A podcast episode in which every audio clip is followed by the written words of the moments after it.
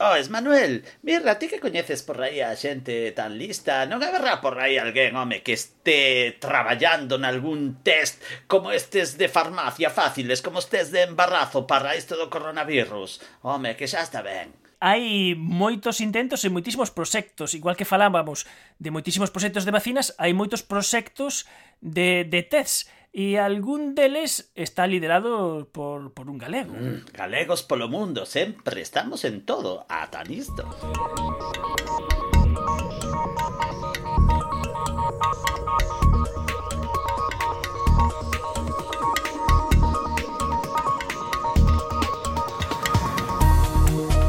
Moi boas noites, un saúdo de César Goldi e de Manuel Vicente. Somos o equipo de Efervesciencia.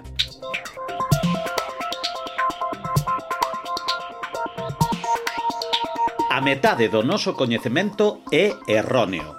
A misión da ciencia é determinar cal. Isto é do Premio Nobel Arthur Comberg. Nesta idade pandémica estamos a vivir moitas revolucións. A comunidade científica internacional está a publicar traballos, e ideas, a unha velocidade de vertixe moitas das agora sí demandadas informacións científicas que chegan ao público corresponden a proxectos e a prepublicacións, a preprints na serga académica. A idea é xogar a moitas barallas para ter a oportunidade de que algunhas destas investigacións cheguen a bo porto e poidan supoñer tomar vantaxes sobre a pandemia da COVID-19.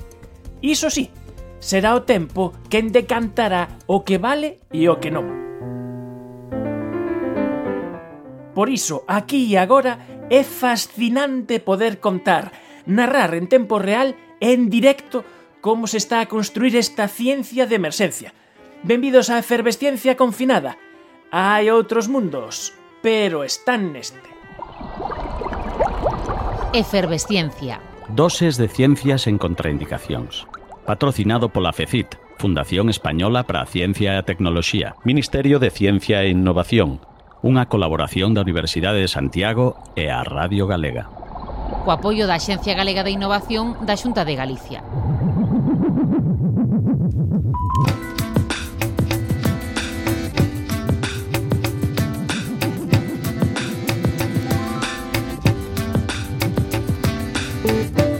Pro tempo da conversa desta noite contamos o outro lado do fío telefónico con Luis Blanco Dávila, Eh, Luis, moi boas noites. Moi boas noites. Eh, Luis Blanco é profesor de investigación do CSIC no Centro de Bioloxía Molecular Severo Ochoa e coordina actualmente eh, xunto con Felipe Cortés do grupo de topoloxía e roturas do ADN do CENIO e xunto coa empresa eh, Cuatro Bases eh, coordina un estudo financiado polo Instituto de Saúde Carlos III un proxecto para realizar un test de detección do virus SARS-CoV-2, un test de detección do virus que sexa a alternativa a PCR, pero que teña mm, como cualidades especiais que se poida facer moito máis rápido e con un equipamento máis eh, sinxelo, en menos dunha hora. Isto parece a cuadratura do círculo, pero en realidade detrás de todo este proxecto hai polo menos tres décadas de investigación. E o que tamén é certo é que empezastes a traballar a probar o concepto deste proxecto de tensión do SARS-CoV-2 incluso antes de que no Instituto Carlos III vos deran este financiamento de emerxencia. Pues sí, la, la, verdad es que sí. Mm, no estábamos todavía en una situación fácil para hacerlo, porque eh, como investigadores nos sentíamos un poco inútiles porque estábamos confinados en nuestras casas y no podíamos eh, ayudar, ¿no? no podíamos más que ofrecer nuestras manos para hacer RT-PCRs, que es la técnica, quizás luego hablaremos, que como compara con la nuestra. Entonces ofrecimos esto, pero bueno, también empezamos a dar vueltas a la cabeza y, y en estos momentos es cuando los científicos también, bajo esa presión, se nos ocurren eh, nuevas ideas. ¿no? Entonces, eh, realmente se nos ocurrió esta idea entre Felipe Cortés y yo, de intentar poner a punto un método alternativo, eh, pero lo pudimos arrancar. En ciencia pasa así, tú tienes una idea, tienes ya de unos resultados previos que te permiten tener datos sobre esa idea, no es una idea totalmente en el aire, ¿no? sino que no es un castillo en el aire, sino que ya tienes una cierta base. Entonces necesitamos tener quizás un poquito más de base para nosotros mismos convencernos de que ese proyecto eh, se podría pedir financiación para él. Entonces, eh, realmente, como siempre tenemos unos fondos más o menos eh, disponibles y tal, pues comenzamos a hacer las primeras pruebas de si funcionaría ese método. Cuando vimos que sí, que teníamos garantías de que iba a funcionar, armamos el proyecto. Es verdad que la convocatoria era express, era una convocatoria rápida sobre el COVID del Carlos III y, solo tuvimos que hacer un proyecto mm, muy corto, no es, no es, no es como los proyectos habituales, que, son muy prolijos y extensos, y, rápidamente nos lo concedieron. Fue una concesión muy rápida y enseguida ya, ya llegó el dinero que necesitábamos para la prueba de concepto y, gracias a, a ese proyecto concedido, por ejemplo, en mi caso, yo pude volver al laboratorio con parte de mi grupo a trabajar, porque si no hubiera tenido ese proyecto concedido, no tendría permiso para ir a mi laboratorio a trabajar. E o proxecto que, que tedes agora en marcha, O obxectivo final é poder detectar o virus. Falábamos a semana pasada que hai dous tipos de test, os test de virus, os test serolóxicos, pero o test de virus actualmente faise mediante a técnica da PCR que eh, ten eh, esa ese problema de que se tardan 4 horas en facer as PCRs enteiras e que requires un equipamento científico que hai que ter un laboratorio para facelo, pero o voso obxectivo é que ao final se poida detectar o virus dun xeito fiable, e non sei, casi casi como se fose un test de embarazo. Sí, exactamente, lo, ha, lo, has, lo has descrito muy bien. El problema no es solo las 4 horas que puede tardar la, la reacción de RT-PCR, que es el método sin duda más fiable, preciso y tal. El problema es el tiempo que se tarda en, trasladar la muestra del paciente a esos sitios, mm, eh, hacer la reacción de RT-PCR, evaluar los resultados y devolver esto pues, digamos, al diagnóstico, eh, a, los epidemiólogos o, al personal concreto que, pudiera ser sanitario, o etcétera, y saber qué hacer con ese resultado. Todo eso lleva bastante tiempo. Eh, nuestro método, en cambio, eh, lo que pretende es ser tan rápido como un test rápido de anticuerpos, pero ser tan fiable como el test lento del RT-PCR. Entonces, lo bueno que tiene tanto el RT-PCR como nuestro método, y por eso son tan sensibles, es que son como altavoces. Los métodos tienen como una, digamos, eh, capacidad de amplificar la señal. Eh, con que haya un poquito del genoma del virus, pues ambos métodos, el RT-PCR y el nuestro, producen una amplificación de esa señal. Es como un pequeño sonido que no puedes oír y que le pones un buen altavoz, un buen micrófono y un buen altavoz y ya puedes ser consciente de que ahí hay un sonido porque lo has amplificado. Esto es lo que avala la sensibilidad de, estos métodos de detección del, del RNA viral. Sí, hola, ¿qué tal? ¿Cómo estás? Hola Luis, hola Manuel. Hola, hola. Hola, muy buenas. Sí, sí, eu estou aquí súper, súper atenta aquí no Alén. E eh, bueno, xa que se iba a estar hoxe eh, Luis Blanco, pois claro, Alén está revolucionado, imagínate, todos os virólogos eh, e xente importante que hai por aquí. Mira, e precisamente aquí no Alén, supoño que coñecerás a Arthur Kornberg, que además Hombre, de ser claro premio. Sí. Claro, claro, además de ser premio Nobel, bueno, pues aquí está dando una turra que, que flipas. Está todo día coa teima de. O sea, un mantra é eh? menos burocracia e máis investigación básica. Menos burocracia e máis investigación sí, básica. Claro, motivar os novos investigadores como se fosen futbolistas. Bueno, xa non digo con tantos carzos como os futbolistas, pero eh, a xente nova sí. vería que motivala un poquinho máis, non? Hombre, claro que sí. La verdad es que me alegra que esté por ahí Arthur Comber, que es para mí, es como un dios para mí, ¿no? O sea, mm, me alegro que esté ahí. Me imagino que estará sentado en una silla de las más importantes, porque es el fundador de lo que, lo que, lo que le podemos llamar la, la, la, enzimología de la síntesis del DNA, ¿no? Él fue el primero que, que, que concluyó algo tan importante como nuestro ácido nucleico no podemos, no se puede ensamblar solo, no se puede autocopiar solo. Seguro que hay un enzima que acelera esa reacción y acabó descubriendo la primera DNA polimerasa, la primera enzima capaz de ensamblar los nucleótidos del DNA siguiendo las instrucciones de la cadena molde, es decir, un enzima muy especial que, copia, un enzima copiativo, que lo que hace es copias porque sabe elegir qué nucleótido tiene que insertar. Entonces, es un tipo de enzimas fascinante. ¿no? Al principio se pensaba que habría solamente una polimerasa por organismo, pero por ejemplo en humanos tenemos 17 DNA polimerasas. Mm. Yo tengo la satisfacción de haber trabajado toda mi vida con DNA polimerasas y haber cazado, me he dedicado a cazar y a descubrir DNA polimerasas. Por ejemplo, de las 17 humanas, pues mi laboratorio ha descubierto tres, tres de 17, tres polimerasas humanas de las 17. No hay ningún otro laboratorio en el mundo que haya descubierto eh, más de una. Y bueno, la primera polimerasa que yo descubrí pues fue la polimerasa de FI29, que no es humana, pero es sobrehumana.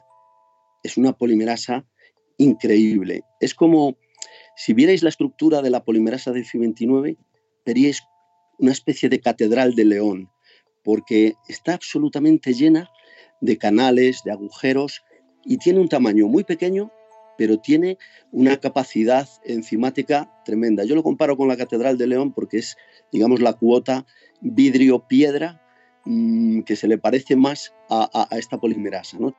Es capaz de replicar un DNA mucho mayor que el del virus eh, que, la, que la codifica. Es decir, la hemos entrenado y la hemos aprovechado para darle un trabajo infinitamente mayor que el que hace en, su organismo, ¿no? y, y, trabaja perfectamente, puede amplificar el DNA humano ella sola de arriba abajo sin pestañear. ¿no? Es increíble cómo, cómo, cómo, esta herramienta, que procede de un, de un fago pequeñito, eh, ha acabado siendo tan importante para amplificar el genoma humano. Y yo me alegro de que Conver me, me esté escuchando en este momento. ¿Sería algo así como una máquina de tricotar inteligente? Algo así. Algo así, la verdad es que sí. Es decir, eh, bueno, o por ejemplo, mm, si hace poco mm, tuve un legado de mi madre que es un tapiz, un tapiz que teníamos de pequeños en el salón de nuestra casa. Y fue uno de los primeros, además, que se, había tejido con un método que se llama jacquard, que democratizó la forma de hacer tapices. Y eso es porque se basaba en tecnología eh, como, como de unos, em, digamos, unos cartones que guiaban eh, cómo se iban a entreguzar los hilos. Pero bueno, una polimerasa realmente hace eso, tiene como un, una guía, que es la cadena de DNA que tiene que copiar y la va moviendo para que en su sitio activo solo encaje con una precisión tremenda uno de los cuatro nucleótidos en cada uno de esos movimientos de la tricotosa, digamos. ¿no? Entonces, el enzima es muy fiel porque no admite que entre ningún error o muy pocos errores. Eh, si se engancha y comete un error, dispone de una especie de tecla de borrado para corregir ese error y seguir para adelante. O sea, es una máquina increíble como enzima. Y, eso, y por eso la síntesis de nuestra DNA, sea cual sea el organismo, casi siempre tiene implícito una fidelidad absolutamente increíble. El coronavirus tiene otro tipo de replicasa para producir su genoma. Curiosamente, tiene también tecla de borrado. Es una excepción entre los virus de RNA. El coronavirus SARS-CoV-2 es uno de los pocos virus eh, cuya replicación se somete a una corrección de errores, a una edición de errores. Eso es bueno para nosotros. No sé si para el virus también, pero para nosotros es muy bueno porque su capacidad de mutación es más lenta. A mí gustaría saber cómo rapaz que, que, que estudia a carreira de biología en Santiago de Compostela, como chegou a traballar con ese buque insignia da ciencia española que foi Margarita Salas en Madrid. Toma ya. Boa pregunta. Pues bueno, yo siempre he estado interesado en la biología desde que era un niño. Tenía laboratorio en casa donde hacía mis cosas y tal, antes de ir siquiera a un colegio. Y ya tenía una, una, tendencia a eso, me encantaba, me leía todos los libros que compraba mi madre de biología, me leía, me sabía los nombres científicos de, de, muchas especies, sobre todo del marisco, que me interesaba mucho saberlos para saber cómo se llamaba cada marisco. En fin, la biología yo ya tenía claro que la iba a hacer. Me fui a Santiago porque allí podía hacer la carrera entera hice la carrera y me, metí en el, en el grupo del Departamento de Biología Molecular de Manuel Freire. Y de acuerdo con él, pues una vez eh, acabado el trabajo en ese laboratorio, pues me, fui a Madrid, eh, me entrevisté con una persona allí en el CBM que me asignaron para, para, para que me orientara en qué grupo podía entrar. ¿Sabéis quién era esa persona? Luis Enjuanes, del que ahora se habla, Toma. Del que ahora se habla tanto. Estivemos, estivemos hablando con él. Sí, sí. Pues Luis Juanes fue la primera persona que yo vi aquí en el Centro de Biología Molecular Severo Ochoa, que es donde trabajaba él antes de moverse al CNB, y fue el que me dijo, ¿sabéis la película de Harry Potter, no? Que te ponen un gorro para saber a qué, a qué, a dónde vas. Cuando diga vuestro nombre, vendréis hasta aquí. Pues él me puso como ese gorro. Yo os colocaré el sombrero sobre la cabeza.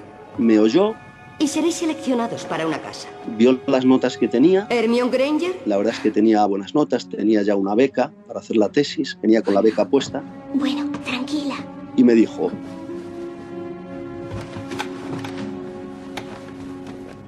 Ah, veamos. Mm, ah, bien, de acuerdo.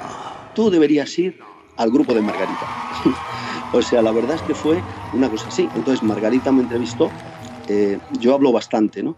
Recuerdo que cuando entré empecé a hablar y me daba miedo parar, un poco como estoy haciendo con vosotros, ¿no? que no os dejo a veces intervenir porque hablo mucho, pero me, hace mucha ilusión recordaros estas anécdotas porque las tengo pero, muy grabadas. ¿no? Recuerdo que me puse a hablar y yo decía, no, no puedo parar. Yo veía los ojos de Margarita como me miraban y, me dio la sensación de que la estaba convenciendo. Y hablé yo creo que 20 minutos, más o menos. Y al final lo único que me dijo fue, ¿y cuándo puedes venir? pues obviamente sabía quién era, ¿no? sabía lo importante que era y todo lo que había hecho con Severo Ochoa y, y del código genético. Entonces, para mí era como hablar con, ¿sabes? Con, con no sé, con, con un gurú de la ciencia en aquel momento.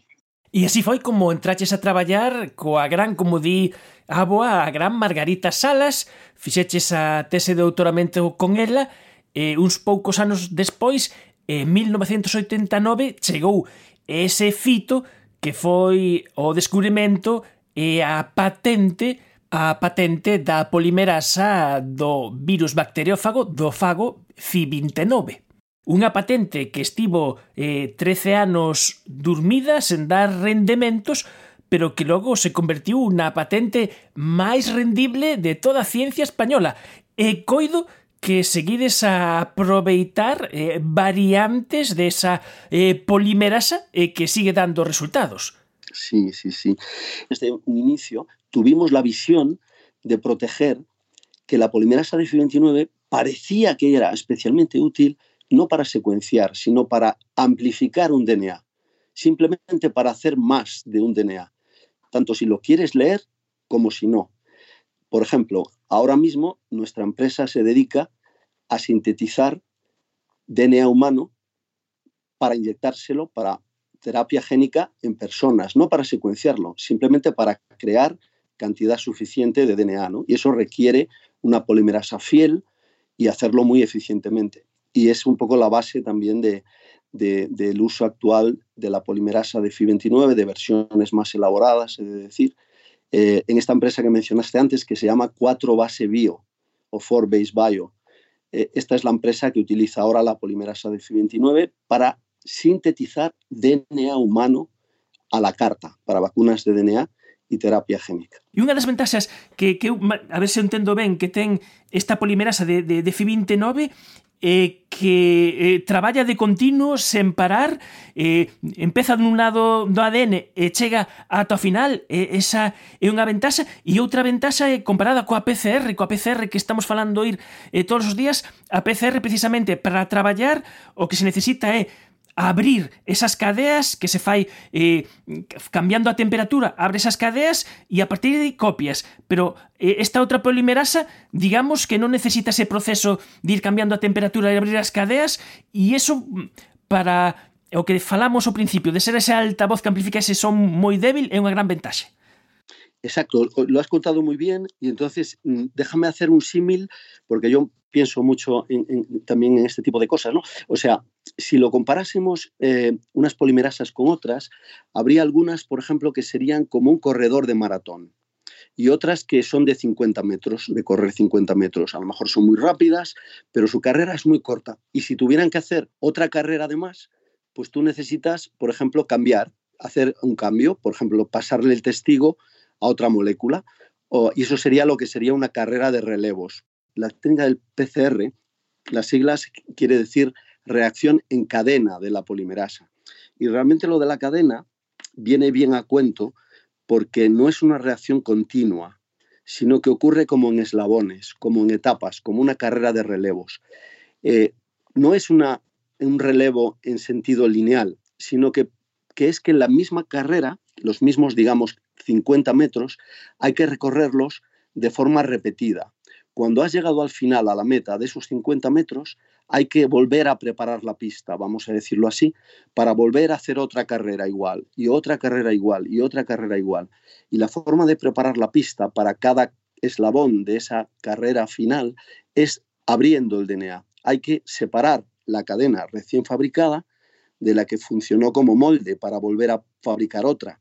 Mm, digamos, el molde es limitado y cuando el molde lo has copiado y has construido dos cadenas, no te queda más remedio que abrir las dos cadenas, guardarte la, la, producida y volver a coger el molde para hacer una nueva. ¿Cómo se hace eso? Subiendo mucho la temperatura de una forma muy precisa para producir la desnaturalización y luego bajando la temperatura también de forma muy precisa a una temperatura de trabajo ya. Eh, una polimerasa mm, como la de FI29 nunca va a funcionar en PCR porque no resiste el calor eh, que supone ese proceso.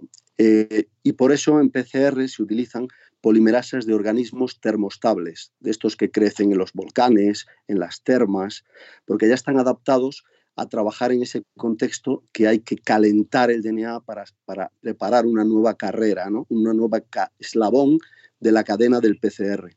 La polimerasa de FI29 no, es una corredora de maratón.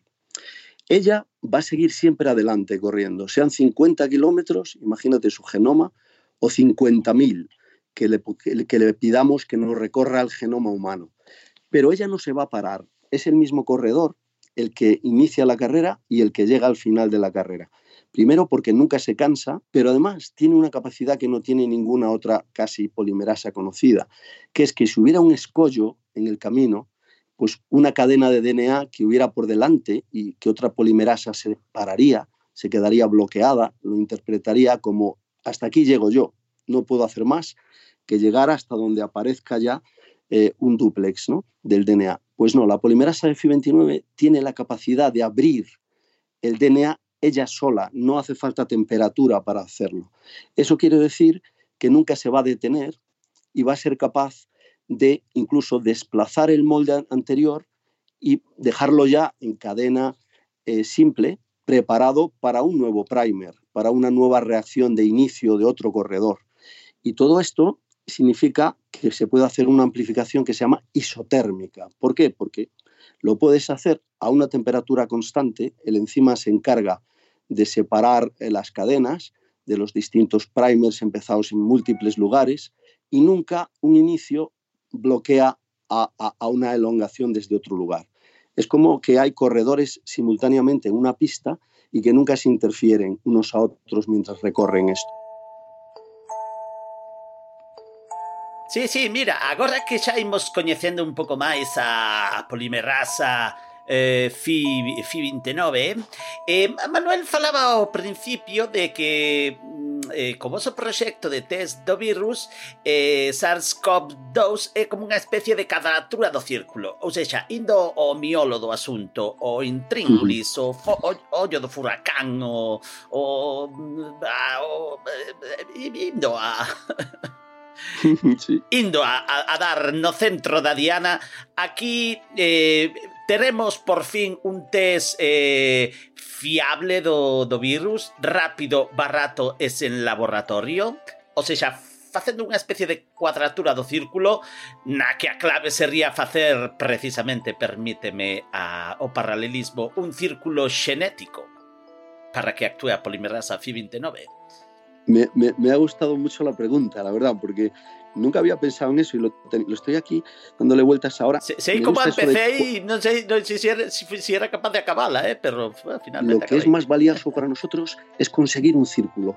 La clave de la técnica es precisamente el concepto de círculo como molde infinito. Si uno tiene mm. una cadena de DNA lineal, esa carrera tiene un principio y un final no hay manera de conseguir más que recorrerla de un extremo a otro. ¿Estamos de acuerdo? Por mucho que corra el corredor, por mucho que sepa, uh -huh. sea capaz de sí, correr sí, sí. cientos de kilómetros. Só se fai unha copia.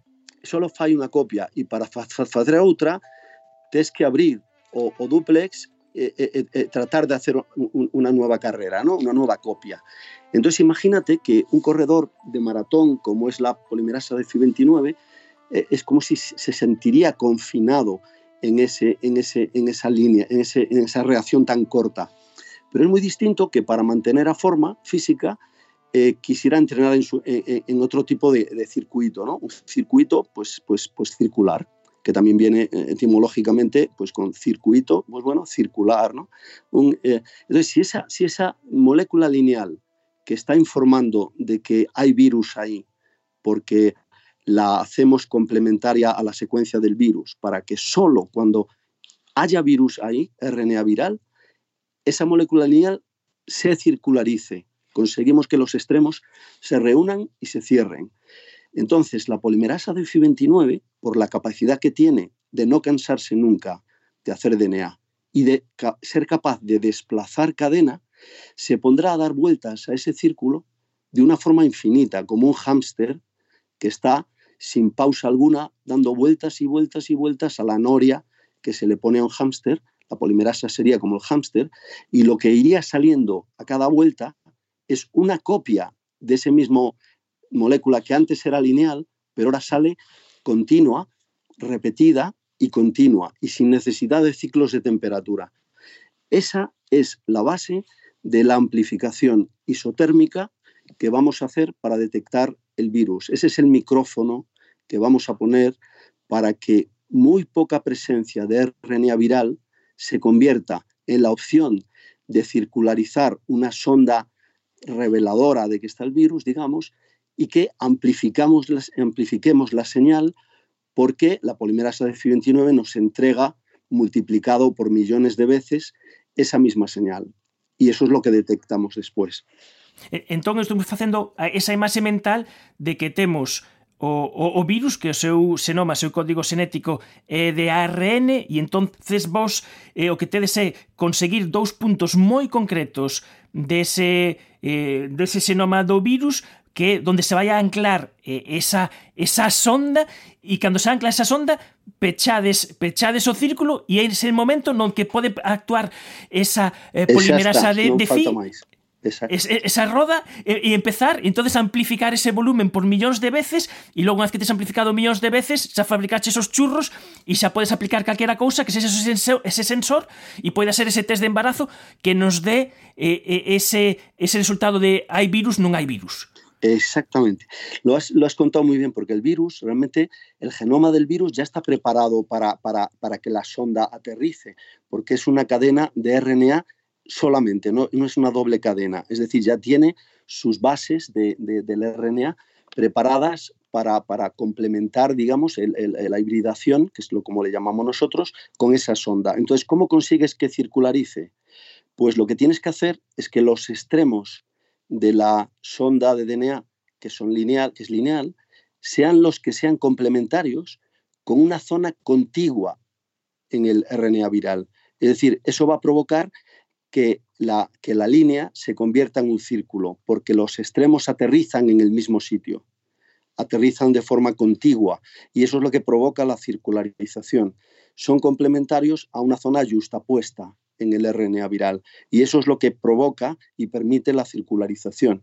No es que cada extremo hibride en un sitio distinto, sino que justo los extremos se pueden reunir porque aterrizan juntos. Es como dos aviones que estuvieran aterrizando en una misma pista desde direcciones opuestas, ¿vale? Que aterrizaran y que llegaran a tocar los morros de sus cabinas, digamos. Y en ese momento en ese, en ese, en ese momento de contacto, de, aproximación de ambos, se produce la unión. le pusieras como, imagínate, una, una cadena, ¿no? Para mantenerlos unidos ya, esos dos aviones. Entonces, eso es lo que generaría el círculo. Y solo podrá pasar en presencia del virus.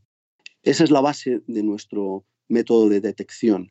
Y que, bueno, algún experto en RT-PCR, que tenemos muchos, pero aquí mi trabajo está Antonio Alcamí, que es el coordinador de todo el CSIC, de la puesta a punto de los métodos de RT-PCR, ya ha visto nuestros resultados y, nos ha dicho que él considera que puede tener hasta más sensibilidad que el propio RT-PCR. o tempo nas ondas é limitado. E por eso temos que pechar aquí esta conversa co profesor de investigación do CSIC no Centro de Bioloxía Molecular Severo Ochoa, Luis Blanco Dávila. Conversa que se queres escoitar completa en toda a súa extensión e con moitísimas máis historias e datos podes acceder no podcast de Efervesciencia. Pero, Luis, Antes de despedirmonos, unha reflexión final. Nestes tempos comentábamos ao principio do programa que estamos a vivir xusto a ciencia en directo, a poñer o micrófono e a cámara nos laboratorios, nos investigadores, para coñecer como estades a desenvolver as vosas sí. ideas e como estades a facer a ciencia no momento. Ciencia que non sabemos se vai conseguir chegar ao cumio da montaña, Exacto. que neste caso é conseguir un test, e que hai eh, moitas iniciativas que están intentando e que o gallá, polo menos unha delas, eh, chegue ao, ao cumio. Pero temos o Eso privilexio es. nestes momentos de dar a coñecer precisamente esta imaxe, esta instantánea do que se está facendo nos laboratorios. Me, me, me, ha encantado participar en, esta, en este, este programa vuestro. Imaginémonos, para terminar, os quería, me vino a la, a, la, a la mente cuando estáis contando esto, que cuando uno intenta construir una catedral, no puede pretender, la gente tiene que estar pendiente de todo el proceso de construcción de la catedral. No aparece la catedral construida en un solo día. La ciencia tampoco se construye en un solo día. ¿no? Entonces, a veces tenemos la sensación de que nadie viene a ver los progresos de, ese crecimiento, de esa construcción de la catedral. ¿no? Y, aunque sea contra viento y marea, sin presupuesto, sin demasiada voz pública ¿no? de lo que estamos haciendo, lo seguiremos haciendo. ¿Por qué? Porque necesitamos sentirnos nosotros eh, nosotros buscamos más el conocimiento que el reconocimiento. Luis, una aperta muy grande y muchísimas gracias. A ustedes. Adiós. Necesito con urgencia transfusión de efervesciencia.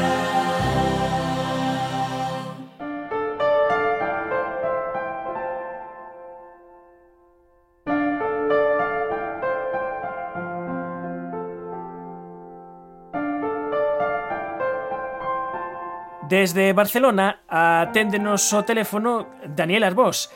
Daniel, moi boa noite. Buenas noches, buenas noches, un placer saludaros. Un placer falar contigo porque eh, Daniel, temos que presentalo, é biólogo e comunicador científico e ven de publicar en Nextdoor Publishers, eh, xunto a Marius Belles, o libro 14 maneras de destruir la humanidad. Un libro que saiu eh, xusto do prelo a inicios de marzo deste ano 2020. A boa, vostede quedou impactada con este libro. Mi reo es que estou moi mosqueada porque eh, en un dos capítulos pode lerse eh, non se pode descartar que tarde ou cedo apareza de xeito natural un patóxeno especialmente virulento que provoque máis mortes que os tímpanos que ten estoupado Melendi. Eh, e este libro saleu xusto no mes de marzo deste ano. Daniel, non te redes montado toda esta lea do coronavirus para vender máis libros? Non vos redes pasando ca promoción? Entrando no, no tono do, li, do libro, ¿eh? Es una buena promoción, sí, no nos lo esperábamos, pero es verdad que que bueno, un capítulo hablamos de 14 maneras de destruir la humanidad y una es la posibilidad de que, de que saliera una, una pandemia global y, y mira, justo cuando se publicó el libro, eh, al cabo de pocas semanas, pues nos confinaron. Y pensad que este libro salió primero en catalán hace un año, o sea que eh, nosotros esto de que, de que podía salir un patógeno más virulento que matara más gente que, que Timpa nos había reventado Melendi, ya lo decíamos, ¿eh? pero no, no, no es que fuésemos unos agoreros o nada, sino que esto ya había muchos expertos que, que lo advertían, la Organización Mundial de la Salud ya lo dijo en 2018, y mira, nadie les hizo caso ni a ellos ni a nosotros, y así nos encontramos, confinados todos en casa. Pues sí, además este es un libro muy, muy de cuñados, ¿no? Que además vos, vos mismos decides que es un libro para cuñados do apocalipse. un libro cuñado, un, sí, un poco para esto, para que la gente, un, un libro que repasa pues varias maneras de, de, de cómo podría acabar la, la, humanidad o, o cómo podría, si no acabar, quedar muy maltrecha, y es para un poco esto, para que el típico cuñado que lo sabe todo, ¿no? que sabe mucho, que, sabía mucho de fútbol, luego sabía mucho de economía y de política, y ahora todo el mundo sabe de virus, y, de, de y ya no solo de virus, sino de, confin de confinamientos y de desescaladas y de todo, pues bueno, para que tuviera algunos argumentos que exponíamos en el libro de cada una de estas maneras de destruir la humanidad y de pandemias. Entonces es el típico libro que al cuñado, eh, para hacerse listo en las cenas de Navidad, cuando pueda volver a ver cenas Mm, de Navidad, ahí está. pues bueno, le recomendamos para, para que así tenga como mínimo que, que no hable desde el desconocimiento, que es lo que vemos que mucha gente habla desde donde no se tiene que hablar, que es desde, desde el desconocimiento, sino pues que, que como mínimo sepa un poco de lo que dice la ciencia sobre estas maneras de destruir la humanidad. E algúns destes xeitos de destruir a humanidade xa os vimos na gran pantalla. Aquí en el laboratorio de la universidad tienen un cadáver. Cadáver al que le han sido amputadas las extremidades. Esta mañana, a primera hora, abrió los ojos y empezó a mover el tronco. Estaba muerto, pero abrió los ojos e intentó moverse. Se aprobará el presupuesto del Skynet. El sistema se conectará el 4 de agosto de 1997. Se eliminarán las decisiones humanas en la defensa estratégica. Skynet aprenderá en progresión geométrica. Tendrá conciencia de sí mismo a las 2 y 14 de la madrugada del 29 de agosto. Los humanos aterrados intentarán desconectarlo. ¿Dónde están los de ciencia? Ponme con París, Londres, Tokio, Tel Aviv, ponme con todos. Hizo las fotos per Halleport. ¡Y gráficos necesito gráficos! Los cometas se forman en el espacio. Son los restos de la creación del sistema solar después de formarse los planetas hace millones de años. Estos trozos de desecho espacial están en una órbita alargada alrededor del Sol, pero de vez en cuando alguno sale rebotado, más o menos como una bola de billar en una carambola, y va a parar a una órbita distinta. Si este cometa sigue su trayectoria alrededor del Sol y mantiene su rumbo actual, es posible que el 16 de agosto, casi dentro de un año, recibamos su impacto. Sí, sí, eh, es que el, cine ha, ha, dado mucho y ha, y ha especulado mucho sobre posibles tragedias eh, en, para la humanidad. Nosotros hicimos el libro porque, porque vimos que mucha gente se preocupaba de cosas que, el riesgo pues, no era real y en cambio otras amenazas que sí que son reales pues no les daba importancia y la gente pensaba mucho en un apocalipsis zombie eh, hombre pues no esto explicamos en el libro que el libro tiene un sistema de calaveras para que la gente se haga una idea del riesgo real de 0 a 5 y hombre, pues que haya un apocalipsis zombie no, no es posible. El tema que las máquinas, esto que, lo último que escuchamos, que las máquinas se rebelen y destruyan la humanidad, hombre, es muy poco probable. ¿eh? Ya, no es, ya no es riesgo cero, pero de momento, por, por el momento, es, es, poco probable. En cambio, pero estas son amenazas que, como las hemos visto tanto en el cine y en la televisión, pues, y, y como son visibles, eh, pues, pues la gente igual sí que las teme más que no otras como el cambio climático, por ejemplo, o la resistencia de, los, de las bacterias a los antibióticos, que como no las vemos tanto y no son tan visibles y no tienes allí un, un zombie que te está persiguiendo por la calle y, no hay tantas pelis de esto, pues no lo tenemos tan presente y son realmente riesgos que son muy, muy reales. ¿no? Ahora estamos focalizados en el coronavirus, pero tenemos otros riesgos que, que nos amenazan como especie. No, que unha das cousas divertidas de, de, do libro é, é ver como, como os autores se toman en serio desde un punto de vista científico incluso as amenazas máis estrambóticas. O capítulo da Apocalipse Zombie é fantástico e ademais o moito que aprende sobre fisioloxía nese, nese capítulo. Impresionante, non? Claro, como vemos que hay gente que, que no se lo cree, que no puede ser, pues detallamos un poco, hay gente que dice que está un poco demasiado, pues qué pasa en un organismo cuando se, cuando se muere el cuerpo, qué pasa con las células, cómo se degrada, cómo llegan los bichitos que vienen pues en orden, Sí, sí, porque sí. cada insecto llega a una hora y y un día distinto, ¿no? Es como, como, como esto que vemos de cuando entregan los Oscars, que, lo- que los actores van entrando, los actores y las actrices van entrando, entrando en un orden, pues todos los insectos que se acaban comiendo un cadáver igual y que aquí nace pues la entomología forense, por ejemplo, y es como la policía puede saber cuánto tiempo hace que, un- que una persona ha muerto y todo esto. Bueno, pues lo detallamos un poco para que la gente se dé cuenta que, eh, que el renacimiento, como decía ese chiste, usted sabe de, de- de historia del arte, yo soy experto en el renacimiento, eh, si te mueres, te mueres, el renacimiento es imposible, ¿no? Pues un poco esto es lo que queremos detallar en este capítulo desde la, desde la ciencia y desde estudios y desde el máximo rigor. Y combinamos mucho humor eh, con rigor y hacíamos humor también de pandemias cuando se podía hacer humor, ¿no? Cuando lo veíamos como una amenaza posible pero lejana y no pensábamos que nos tocaría en el día a día como nos ha tocado. Sí, en isto de- do humor, ademais, inventades as vosas propias metáforas, que é fundamental para comunicar a ciencia, non? Eh, cando falades, eh, por exemplo, de quen é o máis atractivo da galaxia, para saber que ler o libro, ou, por exemplo, cal é a proba probabilidade de que un brote de rayos gamma superenerxético desde Eta Carine eh, aterrice sobre nós e o comparades coa probabilidade de andar por unha rúa de Barcelona e que te cague na testa unha pomba, por exemplo. Sí, sí, intentamos hacerlo todo muy bueno para que la gente lo entienda y sobre todo eh, levantar una sonrisa, ¿no? Esto decíamos, lo que decíamos al principio de, de Melendi, pues sí, pues, pues mira, ponemos una, una así un poco de, de, de coña así, para que entre mejor, porque creemos que la ciencia con humor, pues, pues entra un poco mejor, sobre todo para esa gente que no es, eh, que quizá que no sabe que le gusta la ciencia, ¿no? Hay mucha gente que le gusta la ciencia, hay mucha gente que no, y hay mucha gente que, que quizá le gusta, pero todavía no lo sabe, o todavía no ha entrado, todavía está aprendiendo, pues es una buena manera de, de pasar un buen rato y aprender muchas cosas.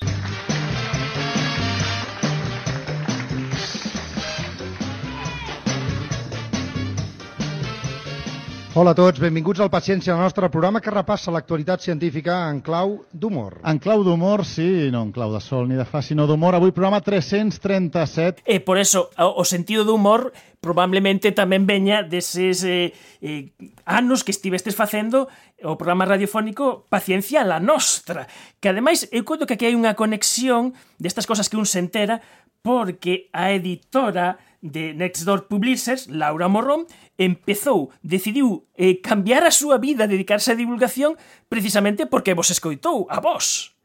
Sí, sí, bueno, esto es, es- nos emociona mucho porque Laura Morrón, que ahora es una divulgadora muy conocida y muy experta en física, que es además editora de Nextdoor Publishers, pero que muy conocida en el ámbito de la divulgación, eh, bueno, yo creo que ella ya, ya tenía esto dentro, tenía este talento natural, lo tenía un poco aparcado y descubrió nu- nuestro programa, que hacemos un, programa que se llama Paciencia la Nuestra, Paciencia la Nuestra, de, era un programa de entretenimiento basado en la ciencia, de humor, y bueno, eh, le gustó mucho, eh, se volvió super fan, se volvió colaboradora del programa también, pasó a colaborar con nosotros durante un tiempo y esto la hizo animarse a- a retomar el tema de la divulgación y a partir de aquí, bueno, hizo un blog y participa y es una de las personas, bueno, que es muy conocida eh, en el ámbito de la divulgación porque realmente lo hace todo muy bien y tiene, y tiene un talento eh, natural. Y nosotros pues estamos muy contentos de que no se perdiera esa, esa vocación a la divulgación porque hemos aprendido mucho con, con Laura. Estaba pensando, no, no, de antes, eh, que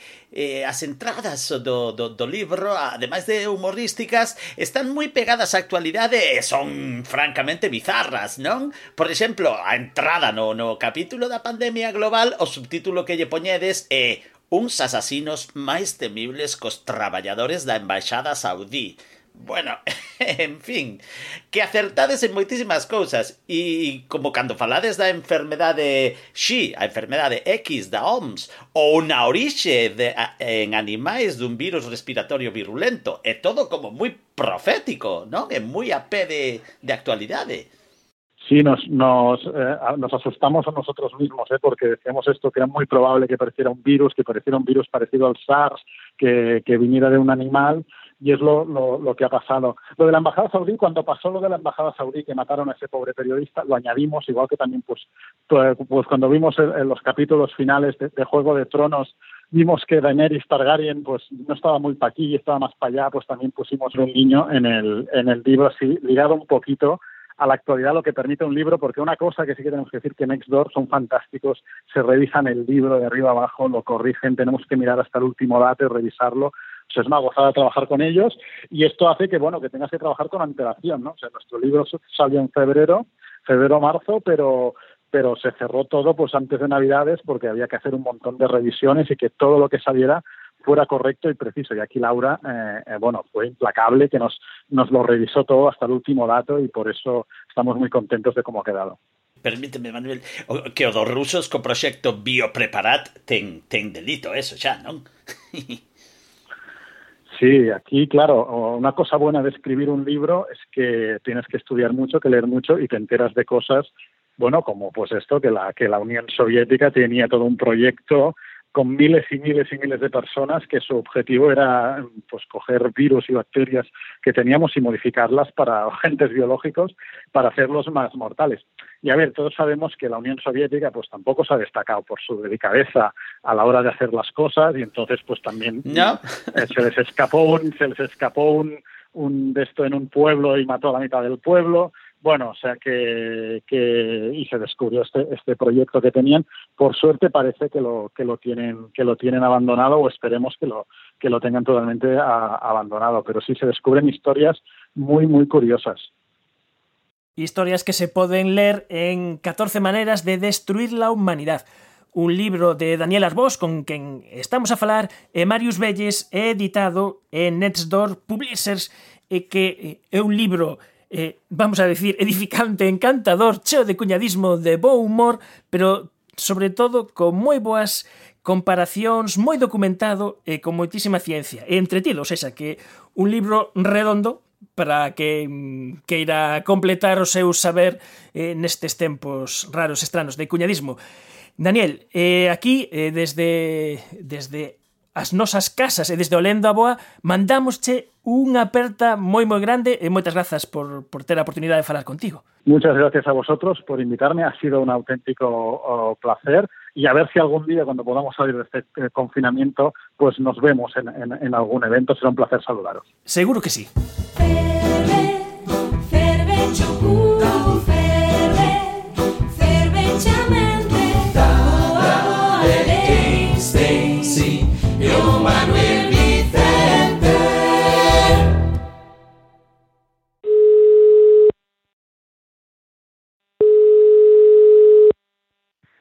Hey Manuel, ¿qué tal?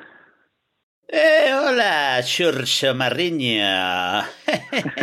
non son Manuel. Home, a, a, a voz de Einstein.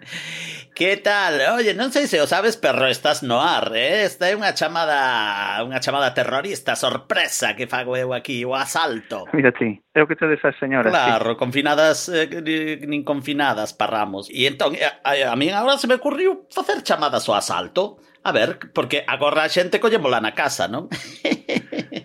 Mira, Exactamente, non eh, eh, podemos ti, escapar. Claro, E ademais a ti está che afectando moito isto do confinamento porque vexo que volviches á prehistoria a facer ou xa, ou xa antes se daba por iso de facer instrumentos prehistóricos de cortar con pedras e todo iso. Eso xa me deu hai, hai uns anos, hai tres ou catro anos xa empecéi porque tiña a dúbida de como de difícil era facer esas cousas. Entón decidín pois utilizar as mesmas técnicas que utilizaban os nosos ancestros hai 500.000, hai 700.000 anos e, e, e probar. Eu lle chamaría simplemente curiosidade ou, ou ganas de, ganas de, enre, de enredar coas pedras. Ganas de enredar. E Xurso, unha aperta moi grande. Moi boa, eh, aquí a boa que nos lía a todos está facendo estas chamadas bomba así por sorpresa para coñecer como está os científicos, os divulgadores galegos. E entón queremos mandar unha aperta radiofónica e saber como levades ou como levas. Pois eu de maravilla, realmente, entre que yo non está moi ben que diga así, pero é que estou aproveitando para, para ler, e para, para afondar en moitos libros que tiña pendientes, que tiña aí, pois que non daba sacado tempo para, para meterme con eles, entón estou facendo unha especie de maratón de lectura. E ti, ademais de estar confinado, claro, ti estás doblemente, eh, porque ademais estás Illado. ese pilla. Sí, sí, estou, estou doblemente confinado, exactamente, porque estamos aquí na illa de Arousa, entón estamos, non sei se iso é unha especie de protección ao, ao estar na illa, se te, temos unha protección extra, porque hai como máis separación respecto ao resto da poboación ou, ou non, pero bueno, realmente é un sitio no que se está moi ben. Tamén o que vexo que tamén aproveitas e a túa cámara fotográfica tampouco para. No, no, efectivamente, non, non paro. Eh, teño a enorme fortuna de que posúo un, un carné de prensa. Eh, entón, puiden sair pois eh, dúas, dúas ou tres veces a facer fotos, por exemplo, ás sequeiras, que como se lle chaman aquí na Rousa as mulleres que van a, a mariscar. Eu quería fotografar tamén estes días da xente traballando coa mascarilla, porque son cousas que despois o mellor se esquecen ou son situacións especiais, ver todo ese montón de todas esas mulleres traballando, collendo almeixa coa, coas súas mascarillas. E, entón, sí, ando así de vez en cando, pois fago pequenas incursións coa miña cámara fotográfica. Claro, as, ma as mariscar... Uh -huh. As maris non, iba mariscadoras, dicir... as mascarillas as ma... parece unha especie de trabalinguas, non? no, serían as, as mariscarrillas. as mariscarillas, sí. Claro. Mira, estes silencios, eh, sí, sí, son, son moi graciosos porque se nota que aquí eh, cando Manuel e eu non nos podemos mirar. Entón, claro, normalmente temos un, uns cruces de miradas continuos e de pum, papa e xestos e tal que, que agora non podemos facer. Entón, os silencios son apoteósicos. son silencios de confinamento que, bueno, pois tamén seguro que hai moitos, moitas veces así. Ahora, por exemplo, polas tardes é moi rechamante, ¿eh? ou así pola noite, os silencios enormes, así fascinantes, a, a, abrallantes que hai nos povos, que, que é unha das cousas que eu notei con máis así claridade tamén. Porque estaba pensando agora que, claro, teño moita curiosidade porque Xurxo antes de confinarse eh, debutaba como, co, como colaborador nun, nun, nun magnífico programa de televisión española en órbita laica. Bueno, é, un medio moi exixente para min, porque o de facer un programa así na tele, pois eh, realmente eh, preparar muitísimo, ainda que, que final, pois, eh, un pode aparecer poucos minutos, pois detrás hai muitísima preparación. Eh, e é un, é un reto moi interesante. Eu estou encantadísimo de probar esta, esta nova etapa que vai ser a sexta de órbita laica. Alegrome moitísimo. E, e, e, e o teu, a túa parcela ou o teu foco a carra onde vai nas, nas túas intervencións? ten que ver coa cabeza, non? E, eh, eu son unha especie de o neurocientífico do equipo. Falar de desa masa de células que pois que levamos aí dentro do cráneo e contar pois cousas que poden ser útiles ou interesantes ou que estén relacionadas co tema, porque cada cada programa é temático, cada programa ten un tema eh, as, os distintos colaboradores, as distintas persoas que estamos de colaboradores, pois eh, tocamos desde o noso campo eh, ese tema. Ben, Xurxo, pois vaya, vaya sorpresa, porque eu pensaba que a parte da cabeza a, a caíalle millor a Eduardo Sánchez de Cabezón. bueno, el, el, el é o presentador do programa eh, xa ten bastante con ser o presentador, pero é que ademais eh, a súa especialidade son as matemáticas, o mellor, pois eh, aí entraríamos nunha especie de, de pequeno conflito. Claro, que creo de, que... os matemáticos, sí, sí, andan ben de melón os matemáticos, é verdade.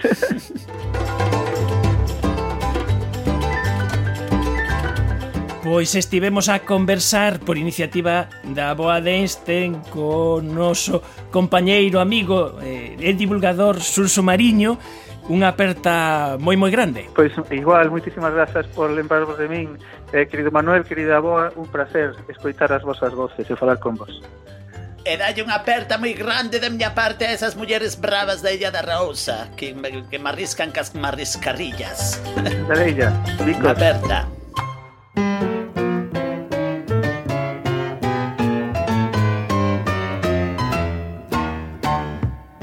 Efervesciencia. Patrocinado pola FECIT, Fundación Española para a Ciencia e a Tecnoloxía, Ministerio de Ciencia e Innovación, unha colaboración da Universidade de Santiago e a Radio Galega. O apoio da Axencia Galega de Innovación da Xunta de Galicia. Sí, sí. A semana que ven eh, teremos máis ciencia na Radio Galega. Adeus. Adeus.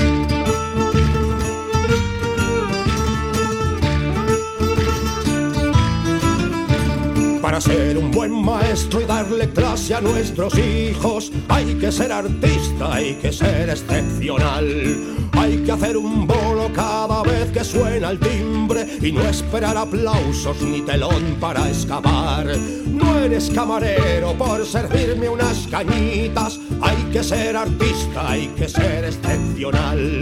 Hay que tener ritmo ni despacio ni deprisa y con una sonrisa servir pronto el calamar. Para ser bombera, para ser un leñador, para ser buena librera, para ser buen conductor, para ser chapista, para ser un buen pintor. Hay que ser artista, hay que hacerlo con amor.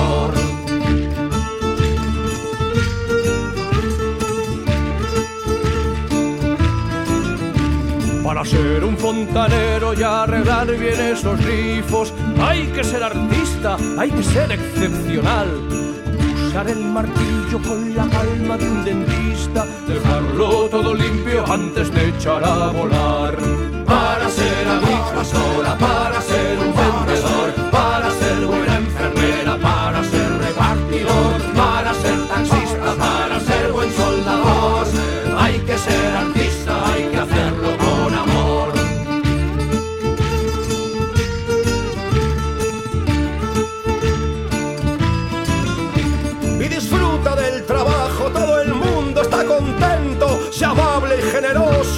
perder nunca el control y derrocha tu energía, es un gozo ser sincero, otra cosa es lo que cobras por dejarte el corazón.